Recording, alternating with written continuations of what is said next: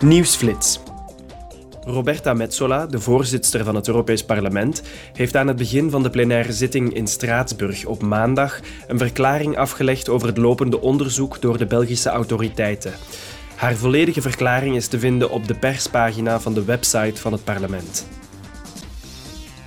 Morgen zullen de parlementsleden tijdens een debat met de Europese Commissie en het Tsjechische voorzitterschap van de Raad hun verwachtingen uitspreken voor de Europese top van 15 december. De topconferentie zal gaan over de laatste ontwikkelingen in de oorlog van Rusland tegen Oekraïne en over de sociale en economische gevolgen van de hoge energieprijzen. Ook zal er worden gesproken over veiligheid en defensie en over de betrekkingen met de zuidelijke buurlanden van de EU.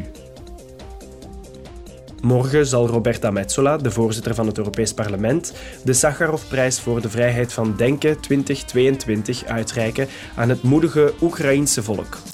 De Oekraïense president Zelensky zal het parlement naar verwachting via een videoverbinding toespreken. Na de prijsuitreiking zal voorzitter Metsola een persconferentie houden met Oekraïense vertegenwoordigers.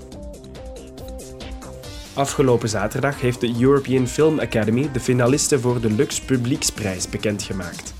De vijf films die dit jaar meedingen naar de prijs zijn Alcaraz, Burning Days, Close, Triangle of Sadness en Will of the Wisp.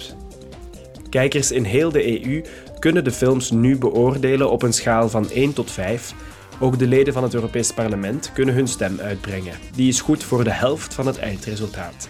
De winnende film zal in juni worden bekendgemaakt tijdens de plenaire vergadering van het parlement in Straatsburg.